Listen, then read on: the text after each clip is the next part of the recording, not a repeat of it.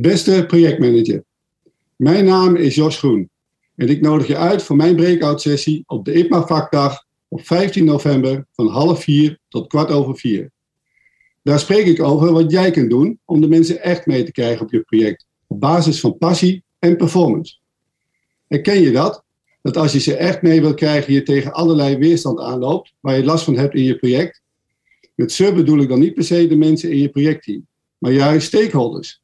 Stakeholders die niet of half betrokken zijn bij het project en die je toch nodig hebt voor een goed resultaat.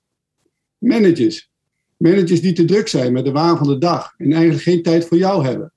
En als je niet oppast, vormen ze een blocking issue op je project.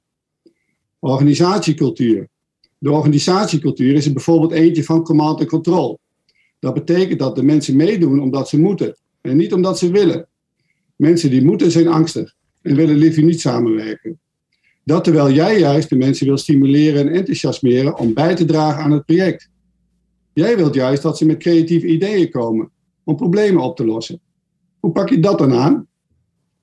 Wat kun jij dan doen om ze echt aan boord van je project te krijgen, zodat ze bijdragen aan het projectsucces? Jouw succes. Ik neem je mee in de wereld van open leiderschap en de do's en don'ts vanuit de praktijk. Het doel? Samen ontdekken hoe de toepassing van vijf karakteristieken van meer openheid in je leiderschap zorgen voor een beter resultaat. Als jij eruit wilt halen wat er al in zit, nodig ik je uit om mijn sessie bij te wonen van half vier tot kwart over vier.